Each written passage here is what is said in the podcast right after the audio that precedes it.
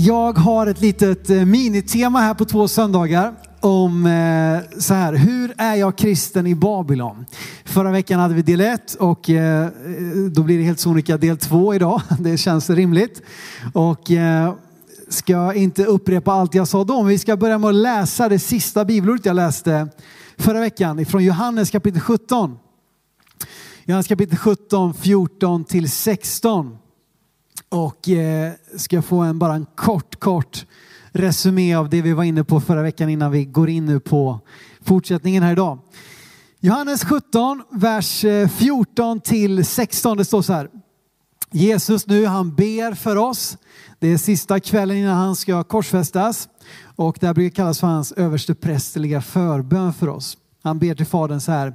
Jag har gett dem ditt ord och världen har hatat dem. För de tillhör inte världen, liksom inte heller jag tillhör världen. Jag ber inte att du ska ta dem ut ur världen, utan att du ska bevara dem från det onda. De tillhör inte världen, liksom inte heller jag tillhör världen. Jesus visar här på ett motsatsförhållande till att, att det, de som tillhör honom tillhör liksom ett annat rike. Tillhör det som vi skulle kunna använda bildspråket Jerusalem. Guds stad, Guds centrum, där, där liksom Guds folk är samlat, där hans lagar råder och där människor samlas eh, runt en gemensam tro på Gud. Det är det som vi liksom tillhör. Vi ser i, i, i Bibeln hur Gud har utvalt Jerusalem och hur det tänker jag också kan vara en, en, en, en bild på att få vara i Guds plan, på, i Guds stad där han vill att vi ska vara. Eh, och då ställs det också i kontrast, och här använder Jesus begreppet världen. Han talar om den här världen. Eh, att vi är i den här världen men vi tillhör inte den här världen. Eh, och den här världen som ju ofta är liksom Guds frånvänd kan också sammanfattas i en stad i Bibeln, nämligen Babylon. Ända från att folket förs bort i fångenskap till Babylon 586 f.Kr. så är det liksom en symbol för det som inte är Guds stad. Det som är motsatsen till Guds stad. Det betyder gudarnas port där liksom eh, allt annat råder och allt annat gäller. Och Bibeln utspelar sig i väldigt hög utsträckning antingen i Jerusalem eller i Babylon i den här lite bredare bemärkelsen. Eh, och förra veckan så hade jag min del ett där jag talade om att Babylon är inte Jerusalem och hur vi då som kristna ska förhålla oss till att leva i en plats som så tydligt ofta vänder sig från Gud. Ehm, och idag så vill jag fortsätta och min del idag handlar om att Jerusalem kan förvandla Babylon. Att vi lever på en plats som, som inte först och främst vänder sig till Gud. Och i den platsen har Gud kallat oss att vara ljus och salt. Ehm, och att vi då kan få vara med och förvandla, påverka den omvärld som vi, som vi befinner oss i. All right, det var den korta, om du känner dig förvirrad, gå och lyssna på del 1 så ska vi fortsätta med del 2 idag. Vi ska bara fortsätta då helt enkelt med att läsa vidare i de här verserna eh, som, som Jesus, den här bönen Jesus ber. För direkt efter det i vers 17 så fortsätter han så här. Jesus säger då ifrån vers 17, helga dem alltså oss, Guds folk, i sanningen. Ditt ord är sanning. Så som du har sänt mig till världen, så har jag sänt dem till världen. Så även om vi inte tillhör den här världen, även om inte den här världen liksom kan, kan förväntas att följa Guds vägar och vi liksom inte bara ska anamma liksom den här tiden som finns runt omkring oss, så har Gud också sänt oss till den här världen. Han har sänt oss till den här platsen för att vi ska få vara eh, någonting annat, att vi ska få vittna om någonting mer i den här världen som vi är omgivna utav. Och därför är min del idag, eller min predikan idag, mitt tema idag är att Jerusalem kan förvandla Babylon. Att Jerusalem, det som vi är bärare utav, det kan komma in och förvandla den värld vi är en del utav. Och hur ska vi då förhålla oss? Hur ska vi då förhålla oss? Jag berättade förra veckan om mina, liksom mina eh, kval inför det här, detta med att, att välja, rösta på ett parti eh, som jag vill ska stämma så eh, bra överens med mina värderingar som möjligt. Men jag inser att det, det är mer eller mindre omöjligt. Eh, men trots det, hur ska vi då förhålla oss när vi nu lever i Babylon? Hur ska vi vara där? Hur ska vi liksom se på allting som är omkring oss? Ska vi fördöma eller ska vi bara anamma? Ska vi alltså bara ta till oss allting som, som som omvärlden säger? Eller ska vi stå på, på lite mils, eller liksom en armlängds avstånd och peka finger och tala om hur dåligt allting är? Nej, jag tror vi har faktiskt en lärdom här att finna redan i den här första fångenskapen. Vi ska läsa om den i Jeremia 29. Jeremia är en spännande profet för att den är både liksom eh, Jeremia han fick vara profet både innan folket förs bort i fångenskap och även då under det att de gjorde det och förflyttades då till Babylon. Hur ska de leva där? Jeremia 29. Ni känner säkert många igen Jeremia 29 och 11. Det står att, att Gud har eh, sina tankar om oss om framtid och ett hopp. Men några verser innan det ska vi läsa någonting mer här som just är en, en, eh, eh någonting som, eh, en vägledning hur vi ska leva i den här fångenskapen eller i den här omvärlden, omgivningen som, som inte liksom är vända till Gud. Hur ska vi förhålla oss till det? Det står så här i Jeremia 29, vers 4-7. Så säger Herren Sebaot, Israels Gud. Till alla de fångar som jag har låtit föra bort från Jerusalem till Babel. Här ser ni den här kontrasten. Vad ska vi göra då i den här fångenskapen? Ah, jo, Gud säger, bygg hus och bo i dem. Plantera trädgårdar och ät deras frukt. Ta er hustrur och föd söner och döttrar. Ta hustrur åt deras söner och gift bort era döttrar så att de föder söner och döttrar. Föröka er där och bli inte färre. Och så kommer vers 7. Och sök den stads bästa dit jag har fört er i fångenskap och be för den till Herren. När det går väl för den går det också väl för er. Så hur ska vi förhålla oss i den här omvärlden när vi liksom upplever att vi tillhör någonting annat? Jo, vi ska söka stadens bästa dit Gud har sänt oss. Eh, jag tycker det är väldigt spännande att studera faktiskt eh, hur just eh, judarnas folk då liksom förhåller sig till att vara i andra riken så att säga. Och vi kan ju backa hela vägen till Josef, ni vet, som säljs som slav av sina bröder och han får då befinna sig i Egypten. Och ända från Josef så finns det en lång och rik tradition som går ända in i våra dagar.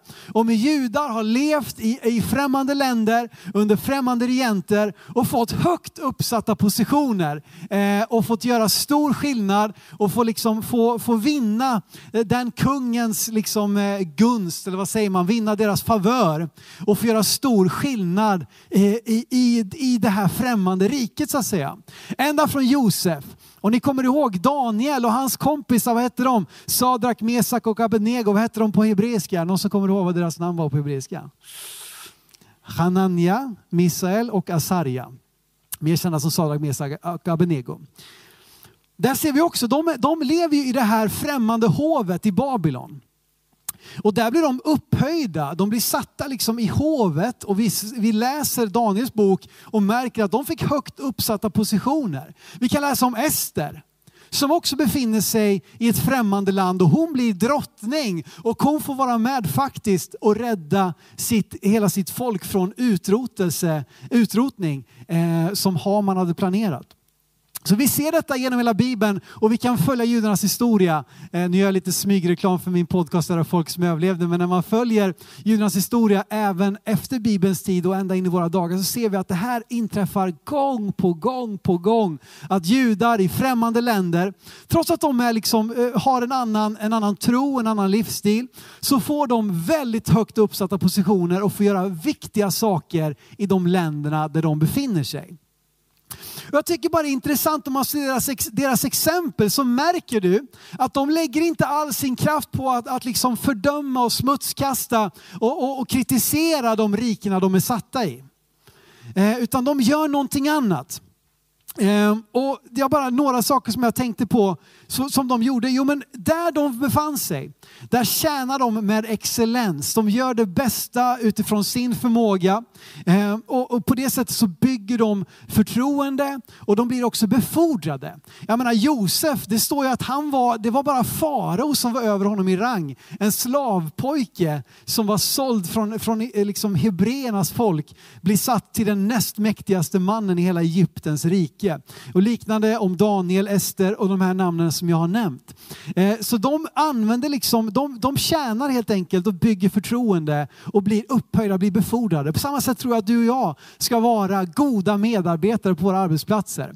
Att vi ska vara goda föredömen där vi finns, där vi är satta. Om du så är lärare, om du jobbar på sjukhuset, om du är politiker, egen företagare, så kan du få leva ett liv, ett vittnesbörd med ditt liv av att göra det bästa utifrån din förmåga, det bästa i den situationen du är satt i och på det sättet bygga förtroende där du finns. Trots detta så är det också tydligt att de väljer också en annan livsstil. Vi kan ju läsa om både Daniel och hans, hans vänner, de blir till och med kastade, de tre vännerna blir kastade i brunnen och Daniel blir kastad i lejongropen. Därför att de, de köpte inte allting som, som, som var liksom gällande i den kultur de var i. De vägrade att tumma med sina, sina bönetider, sin bönestund med Gud. Daniel vägrade att sluta be till Gud även om det var en lag som sa att han inte fick göra det och för det kastades han i lejongropen. Sadrak, Mesak och Abenego, de vägrade att böja knä inför en, en människobyggd liksom avgud. Och för det så blev de kastade i den brinnande ugnen. Så att de, trots att de inte så att säga, väljer att bara fördöma och förkasta allt omkring dem så är det tydligt att de väljer att leva ett annan, en annan livsstil. Eh, så liksom, det handlar inte om att bara så att säga, anamma allting som är runt omkring oss. Och detta, de här två sakerna gör att de är på rätt plats vid rätt tidpunkt och kan göra stora saker i de positionerna de har blivit satta i. Gud kan göra stora saker genom dem och vi läser om det hur Josef fick rädda hela regionen ifrån en säker svältdöd genom den vishet som Gud gav honom. Hur, hur Ester fick som sagt rädda hela judarnas folk genom den positionen som hon hade blivit satt i.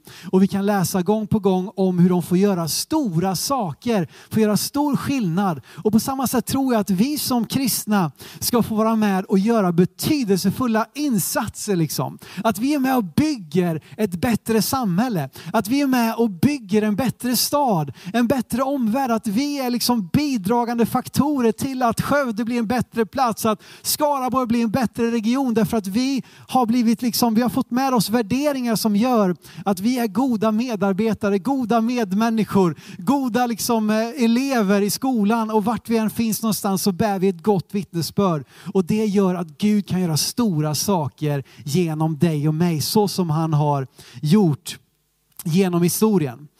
Ehm, och som sagt, Nehemja, Esra, vi har många sådana här exempel på hur Gud liksom eh, ger favör åt dem i sådana här främmande områden. Jag tror det är samma sak med dig och mig. Och vi har i det här välkända, bara, ett, en, bara rycker ut det ur Esters bok 4 och 14. Där ju hennes, eh, hennes morbror är väl, eh, Mordokaj, han säger till henne, vem vet, kanske är det just för en tid som denna som du har uppnått kunglig värdighet. Kanske är det just för en tid som denna som du har blivit satt på den plats där du är. Och där kan du och jag få vara med och göra skillnad. Och i detta då att vi så att säga får vara bärare av ett annat rike så tror jag att vi kan vara med och förvandla den staden vi finns i, den omvärld vi omges av. Och vi ser ju exempel på detta, alltså den första kristna församlingen, det är otroligt spännande att studera hur det gick till här de första århundradena. Där de kristna gick från att vara anklagade, kallas för att vara en sekt, till att, till att helt enkelt vända upp och ner på hela det här riket som ju bara några hundra år senare tar till sig kristendomen som sin religion.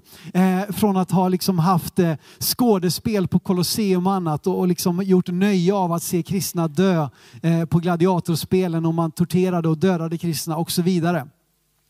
Eh, och låt oss bara läsa vad vi ser redan i Apostlagärningarna kapitel 17. Eh, på, tal om, på tal om det här Grekland, så här är vi i Grekland och eh, det här Jason eller Jason, eh, de, vårt pastorsteam var ju i det här huset här för några, någon månad sedan. Jasons hus. Eh, och, eh, eller Jason, jag vet inte. Ni får välja. Eh, Apostlagärningarna 17, vers 6 till 7. Och där står det så här. Eh, de är upprörda nu då över att de eh, liksom, eh, ja, vänder upp och ner helt enkelt på, på världen. Det står så här. De är på jakt nu efter Paulus och Silas. De vill, de vill fånga dem, de vill sätta dit dem för de är arga på vad de gör. Och läs nu vad, vad de säger, deras omdöme om dem. När de inte fann dem drog de med sig Jason eller Jason och några, några andra bröder till stadens styrande och skrek. Nu är de här också, de som har vänt upp och ner på hela världen. Och Jason har tagit emot dem. De gör tvärt emot kejsarens påbud allihop och säger att en annan är kung, en som heter Jesus. Jag bara älskar det här omdömet. Nu är de här också de som har vänt upp och ner på hela världen. Då, då har man gjort en impact, då har man gjort skillnad, eh, då har man påverkat eh, någonting. Och även om det är lönlöst att tvinga på Jerusalem. Alltså det går inte att tvinga på liksom Guds vägar, Guds tankar utifrån och in som vi, som vi studerade lite grann förra veckan. Men Jerusalem, det som är av Gud, det som är av Guds rike, bär i sig själv förmågan, kapaciteten, ja rent av kallelsen att vara med och förvandla, förändra den omvärld och det samhälle och det, det land och den stad där det finns. Eh, inte genom påtvingade yttre påbud utan genom hjärtats förvandling och överlåtelse. Och I detta så vill jag bara visa för er hur detta gick till utifrån den här första församlingen och första århundraden. Hur gick det till att det här gick ifrån att vara en förföljd liten sekt som liksom sågs på med, med, med väldigt eh, onda ögon till att bara några hundra år senare vara det som, som liksom gjorde att hela romarriket, hela västvärlden har ett arv av ett kristet arv utifrån några enkla människor som, som gick ut med ett, ett budskap om Jesus som, som liksom, eh, har lagt grunden till så mycket av det vi ser idag. Eh, och för det första så tillhörde, de, de hade en vetskap och en visshet om bara detta att vi tillhör ett annat rike. Att det finns, Gud har kommit med ett annat rike än det som är liksom rådande runt omkring oss. Jesus, han träder fram i Matteus 4.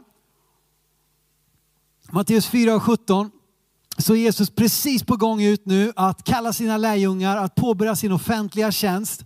Eh, och eh, alldeles strax ska han hålla sin berömda saligprisning, eller bergspredikan i Matteus 57. Och då står det så här då om, om Jesus i Matteus 4.17. Att från den tiden börjar Jesus predika och säga omvänd er. Himmelriket är nära.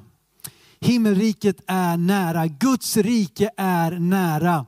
Någon översättning säger till och med Guds rike är nu här, eftersom Jesus har kommit med det. Han har i sig själv och det han ska göra på korset så inleder han ett nytt rike där Guds, där Guds liv och Guds frälsning blir tillgängligt för alla människor, av alla folk, av alla språk i hela världen för alla tider. Därför att Jesus har kommit med ett annat rike.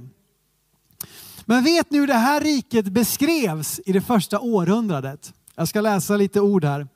Barnsliga, enfaldiga, irrationella, simpla, onda, förhatliga, samhällsfientliga, överdrivna. Allt detta var omvärldens omdöme av kristna under de första århundradena. Eh, och, och som sagt, man kan se hur det inledningsvis är fullt av fördomar mot de kristna, hur det kallas för en sekt och så vidare. Eh, eh, och just detta att det är en ny religion. På den här tiden var det något mycket negativt och var något nytt som gick emot de gamla gudarna. Och dessutom bara talet om att det var en gud. En fullständig otänkbar tanke. Var det en gud? De kallade till och med de kristna och judarna för ateister. Därför att de trodde bara på en gud. Och dessutom så gjorde de inga avbilder av den här guden, de gjorde inga statyer av den här guden. Så vad är det för gud? Ja, de är ateister. De tror inte på gudarna. Ehm, och bara den saken, om du kanske idag, du kanske har fått en fråga någon gång, tror du på Gud? Eller så har du ställt någon, den frågan. Det känner ni igen. Tror du på Gud? Och bara den tanken att vi tar för givet att vi säger Gud i singular. Tror du på Gud? Tror du på gudar? Tror du på gudarna? Så sa man mer för 2000 år sedan. Men det här, liksom kristendomen har förändrat hela våran, våran värld på det sättet att det, vi tar det för givet idag att man ställer frågan på det sättet, tror du på Gud? Därför att från kristendomen, judendomen och såklart även islam senare så är det talet om en Gud. Om en Gud. Eh, och det var liksom helt oförståeligt för de här. Eh, och de stack ut genom att de läste skrifter att de läste skrifterna. Idag tar vi det för givet att vi vänder oss till liksom den heliga skriften för att förstå en religion. Det var inte alls givet på den här tiden. Och också att, att det här, här skrifterna som man läste och trodde på, det förväntades man också att följa. Att det skulle få liksom visa sig i ens vardag, i ens livsstil. Det var också helt nya tankar. Det var liksom, tron på Gud, det var ju mer någonting man, man gjorde för man offrade eller man blidkade gudarna och sen levde man sitt liv som man ville. Men här kom kristendomen in, gjorde anspråk på att inte bara liksom vara en religion utan också vara någonting som formade våra val och vår livsstil. Och det leder mig in i nästa sak. Då man kommer med ett annat rike som har ett annat budskap. Ett annat budskap.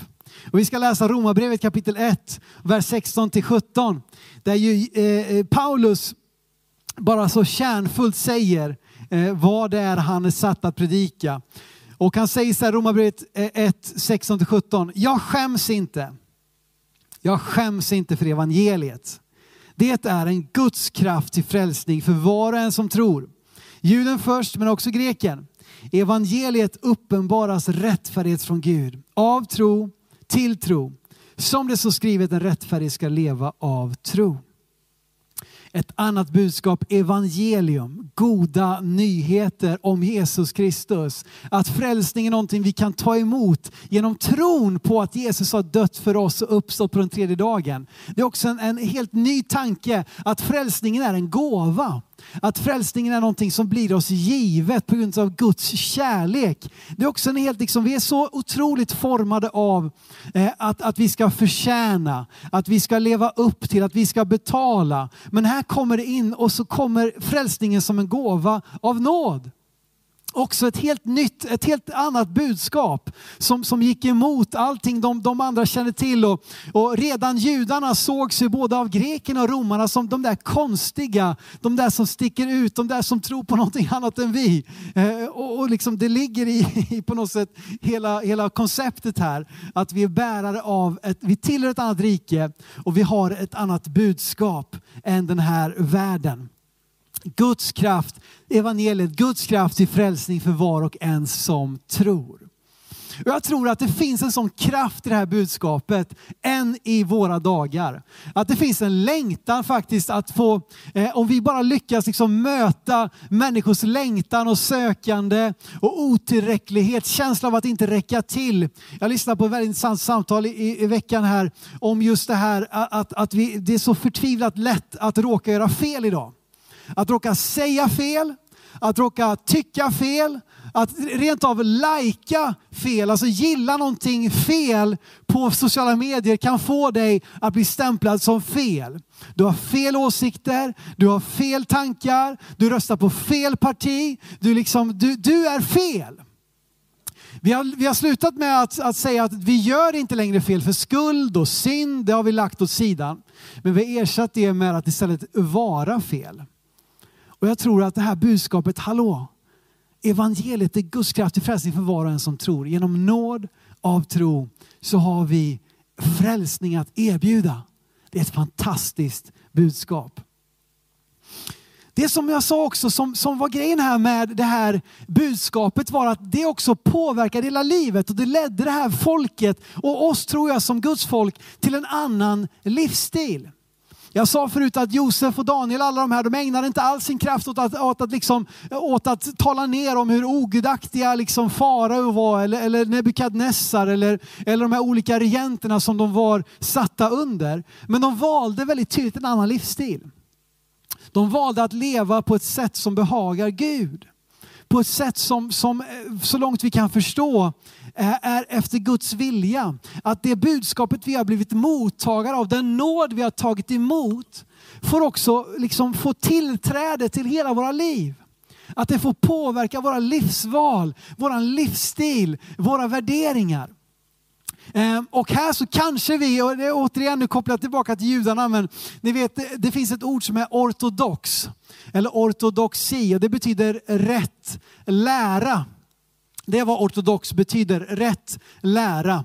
Eh, och det är någonting som vi som kristna tror jag också är ganska upptagna med. Att vi vill, ja men vad är egentligen en rätt lära? Vad lär Guds ord? Och hur ska vi förstå det? Hur ska vi hålla oss liksom till en, en rätt lära? Men det som judarna är minst lika, och kanske ibland till överdrift, men också så upp, upptagna med ortopraxi. Alltså rätt praktik, rätt praxis, inte bara rätt lära utan också att vi lever på ett sätt som är, stämmer överens med det som vi lär. Och här så är det ju farligt nära att hamna i en typ av gärningslära. En gärningstro där jag tror att på grund av det jag gör så är jag rätt. På grund av det jag gör så förtjänar jag Guds nåd. Nej, nej, nej, nej. nej. Men Guds nåd förvandlar mig och ger mig kraften eh, och, och, och förmågan och nåden att få leva på ett sätt som blir Gud behagligt. Låt oss bara läsa om i tredje Mosebok kapitel 18 så säger det här, liksom det vittnar om hur Gud faktiskt talar till Mose och till, till, till sitt folk och talar till dem att hallå, ni ska vara bärare av en annan livsstil. Ni ska visa ett annat exempel med era handlingar, med era liv. Och vad säger det då i tredje Mosebok 18, vers 1-4? Herren talar till Mose, han sa, säg till Israels barn, jag är Herren er Gud. Ni ska inte göra som de gör i Egyptens land där ni har bott. Inte heller ska ni göra som de gör i Kanans land dit jag vill föra er. Ni ska inte vandra efter deras stadgar. Mina domslut ska ni följa och mina stadgar ska ni handla noggrant efter. Jag är Herren er Gud. De rör sig från de här olika rikena men Gud manar dem att i de här omgivningarna som, som var allt annat än Guds tillvända välja att leva på ett sätt som, som behagar Gud. Hur kan det se ut då i en nytestamentlig kontext? Vi ska läsa ett lite längre sammanhang här nu från Efesierbrevet 4 eh, in i, i kapitel 5. Det är ganska befriande att komma ihåg att Bibeln skrevs inte med kapitel och verser, så ibland ska vi inte vara så väldigt noggranna med, nej men det, det står ju i versen innan, det var inte den här versen, ja, men verserna kommer senare. Va? Men vi ska läsa lite längre sammanhang nu, Efesierbrevet 4, 29 till 5 och 4. Hur kan det här se ut då? Vad är det för typ av livsstil som vi manas till? Vad är det för typ av livsstil? För, vad är det för vittnesbörd våra liv bär i vår omgivning som kan vittna om den Gud vi tillhör? Paulus skriver så här, och det här är, det här är utmanande ord, men jag tror att, att det finns väldigt mycket sunt i det. Eh, såklart, det är Guds ord. så vi, inte, ja, samma. vi läser helt enkelt. Från vers 29 kapitel 4. Låt inga smutsiga ord komma över era läppar, utan bara det som är gott och bygger upp där det behövs. Så att det blir till glädje för dem som hör det. Bedröva inte Guds heliga ande som ni har fått som ett sigill för befrielsens dag. Lägg bort all bitterhet, häftighet och vrede, allt skrikande och förolämpningar och all annan ondska. Var istället goda och barmhärtiga mot varandra och förlåt varandra så som Gud i Kristus har förlåtit er. 5 och 1. Bli därför Guds efterföljare. Som hans älskade barn och lev i kärlek så som Kristus älskat oss och utgett sig själv för oss som en offergåva, ett väldoftande offer åt Gud. Men sexuell omoral, arordinhet eller girighet ska inte ens nämnas bland er. Det anser inte de heliga. Skamligt och dumt prat eller grova vitsar är också opassande. Tacka istället Gud. Jag tror att det här vittnar om ett exempel på en, en nytestamentlig livsstil. Och mitt i centrum här av den här texten så står det ju bli därför Guds efterföljare. Vad det står egentligen är att vi ska imitatio dei, vi ska imitera Gud. Bli Guds imitatörer. Lev liv som imiterar Gud. Och i det då så tar ju Paulus här en rad olika exempel som både har med våra tal, med våra livsstil, med hur vi är mot varandra, att vi ska förlåta. Det vittnar om en annan livsstil. Och det var också saker som, som de här första kristna stack ut med. Jag ska bara visa några saker som de stack ut med. Jag, jag har återkommit till det här för jag tycker det är väldigt intressant. Eh, att jag tror det finns liksom eh, vissa eviga moraliska grundpelare som jag tror eh, liksom har formats utifrån biblisk tid och som har funnits inom kyrkan ända in i våra dagar som jag tror är någonting för oss att bevara när vi nu funderar kring ha, vad, på vilket sätt ska vi anpassa oss efter den här omvärlden? På vilket sätt ska vi låta låta Babylon så att säga forma våra liv. Ja, då fanns det fyra eller kanske fem saker som de här stack ut med. För det första var det alla människors lika värde. Alla människors lika värde. Det tycker jag, men det är väl en självklarhet. Det var inte det i romarriket. Det var så tydligt. Är du romersk medborgare? Ja, då var du upphöjd. Är du slav? Ja, då är du det. Är du grek? Ja, men det är ju fint. Därifrån kommer ju gudarna och allt det här. Är du jude? Ja, det är lägre än slavar. För det är det här konstiga folket som lever så annorlunda. Det var supertydligt, supersegregerat. Är du man? Jaha, då är du upphöjd. Är du, är du kvinna? Då ska du tillhöra din man eller din pappa eller din make. Är du barn? Då tillhör du dina föräldrar. Alltså det var så tydligt. Och här kommer de här in och talar om, nej nu är det någonting som inte är identitetsbärande utifrån från att jag är romare, jude, slav eller fri. Nej, alla är ni ett i Kristus. Det här var revolutionerande tankar i den här eh, tiden. En annan sak som var så tydlig var att man ska hjälpa de fattiga och de svaga. Att hjälpa de som är utsatta, att lyfta upp den fattiga, att dela med sig, att se till att alla har mat på bordet, att alla har en, liksom, kläder på kroppen, att hjälpa de fattiga och svaga. En annan sak där de stack ut det var det att, att sex hör hemma i äktenskapet mellan man och kvinna. Det var också någonting som de stack ut med. Det var ofta så att kvinnan, en gift kvinna förväntade sig att begränsa sex till äktenskapet. Medan mannen var fri att såklart se till att få liksom, eh, eh, eh riktiga barn och arvtagare genom sin hustru. Men sen var han fri att leva loppan lite grann som han ville och gå till någon tempelprostituerad eller ha lite grejer vid sidan av. Så var det liksom i romarriket. Eh, men här så kommer de in och, och vittnar om någonting annat, ett annat exempel. En fjärde sak var att man försvarade och tog hand om, om barnens rätt till liv. Att ta hand om, i detta fallet, de nyfödda barnen.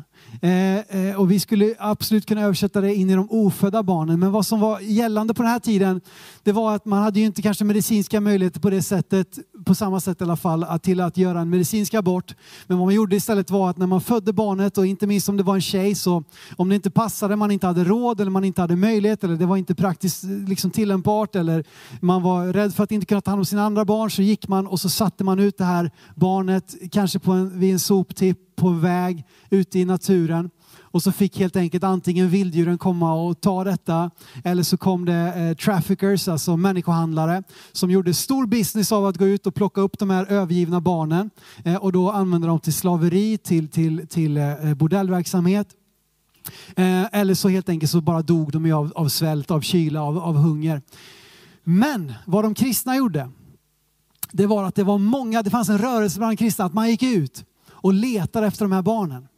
Och så hittade man ett barn, då tog man det till sig. Och så tog man det hem till sig och så uppfostrade man det som sitt eget barn. Därför att man ville stå upp för det här nyfödda eller ofödda barnet om du så vill säga. Och vi kan tro att det där var väl galet, det var bara idioter som gjorde så. Nej, nej, nej, det var en supervanlig grej. Och framförallt inte minst, okej, okay, det finns ett brev från en, från en eh, romersk soldat till sin fru där han skriver, ja men det här barnet du nu ska föda, om det är en tjej så, så, så sätt henne, alltså för, förvisa henne. Men när det är en son så låt honom växa upp i familjen.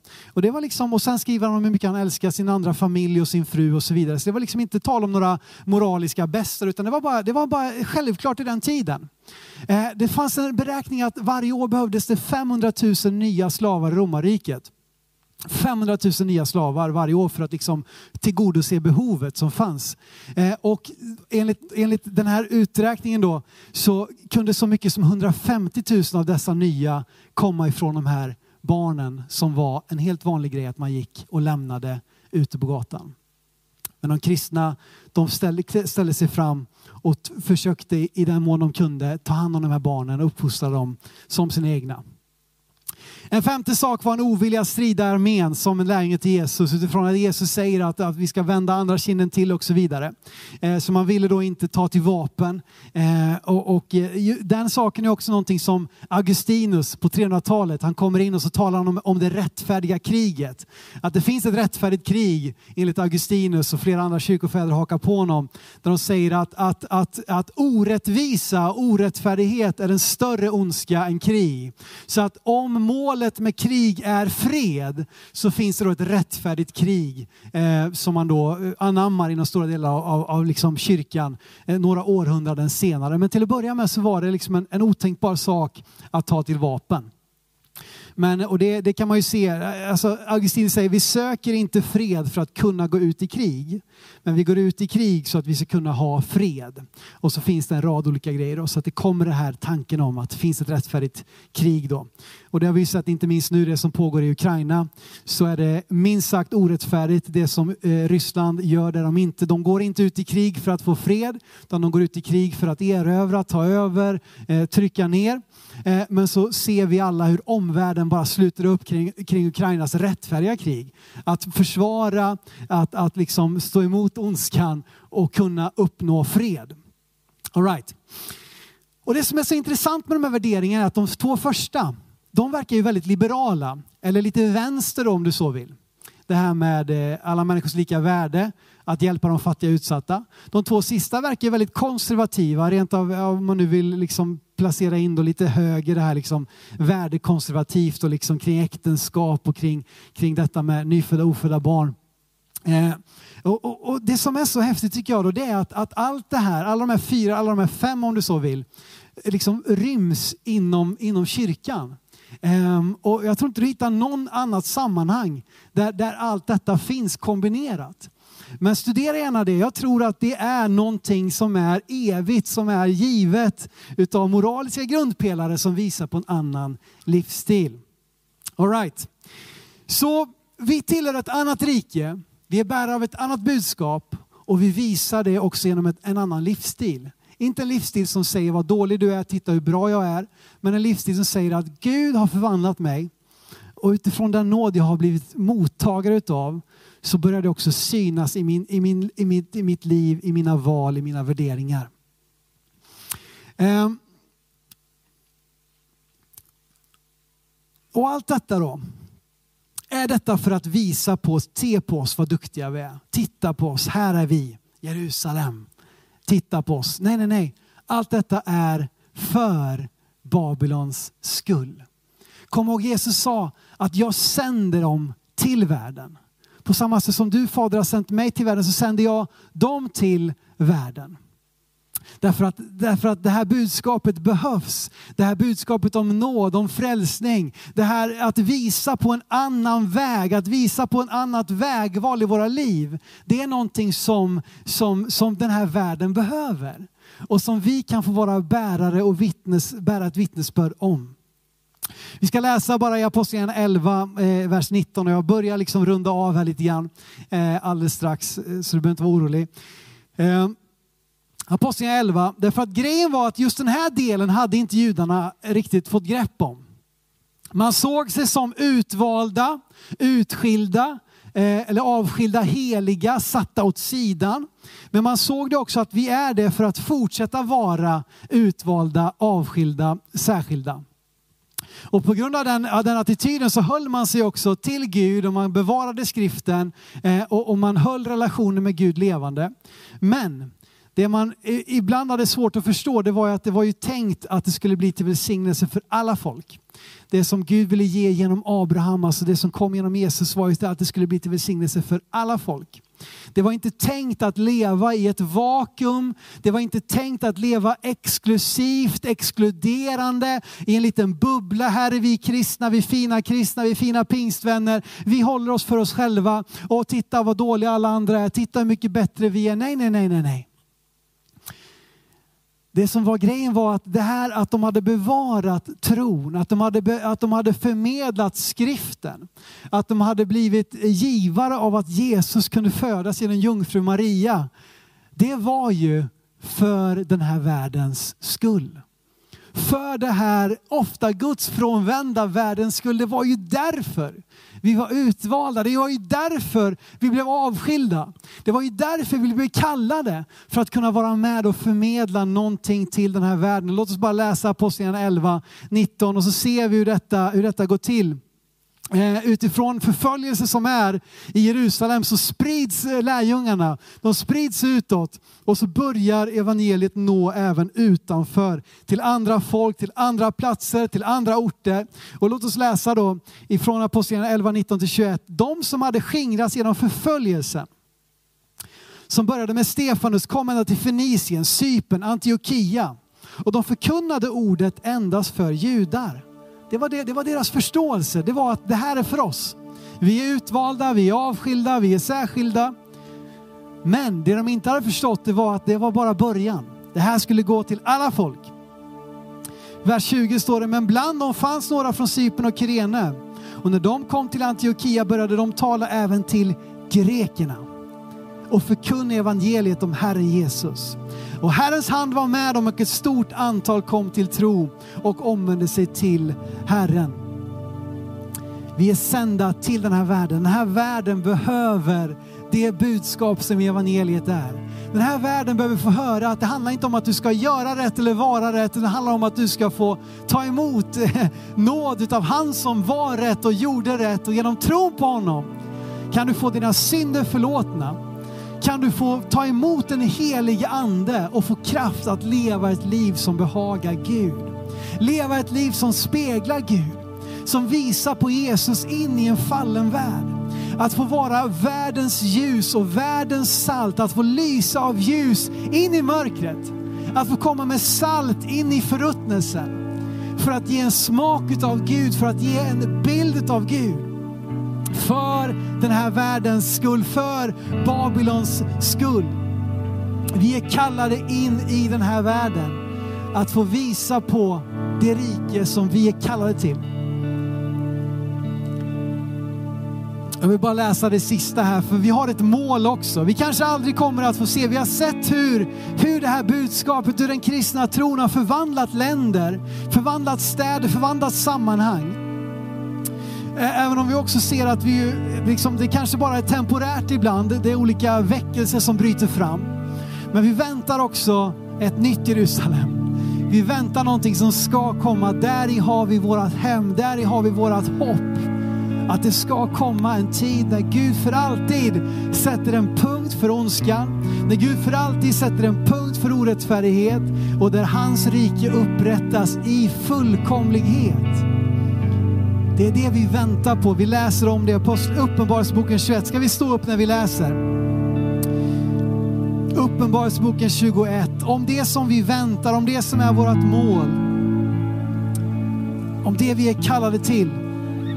Det står i detta kapitel, jag såg en ny himmel och en ny jord. Den första himlen och den första, eh, första jorden var borta och havet fanns inte mer.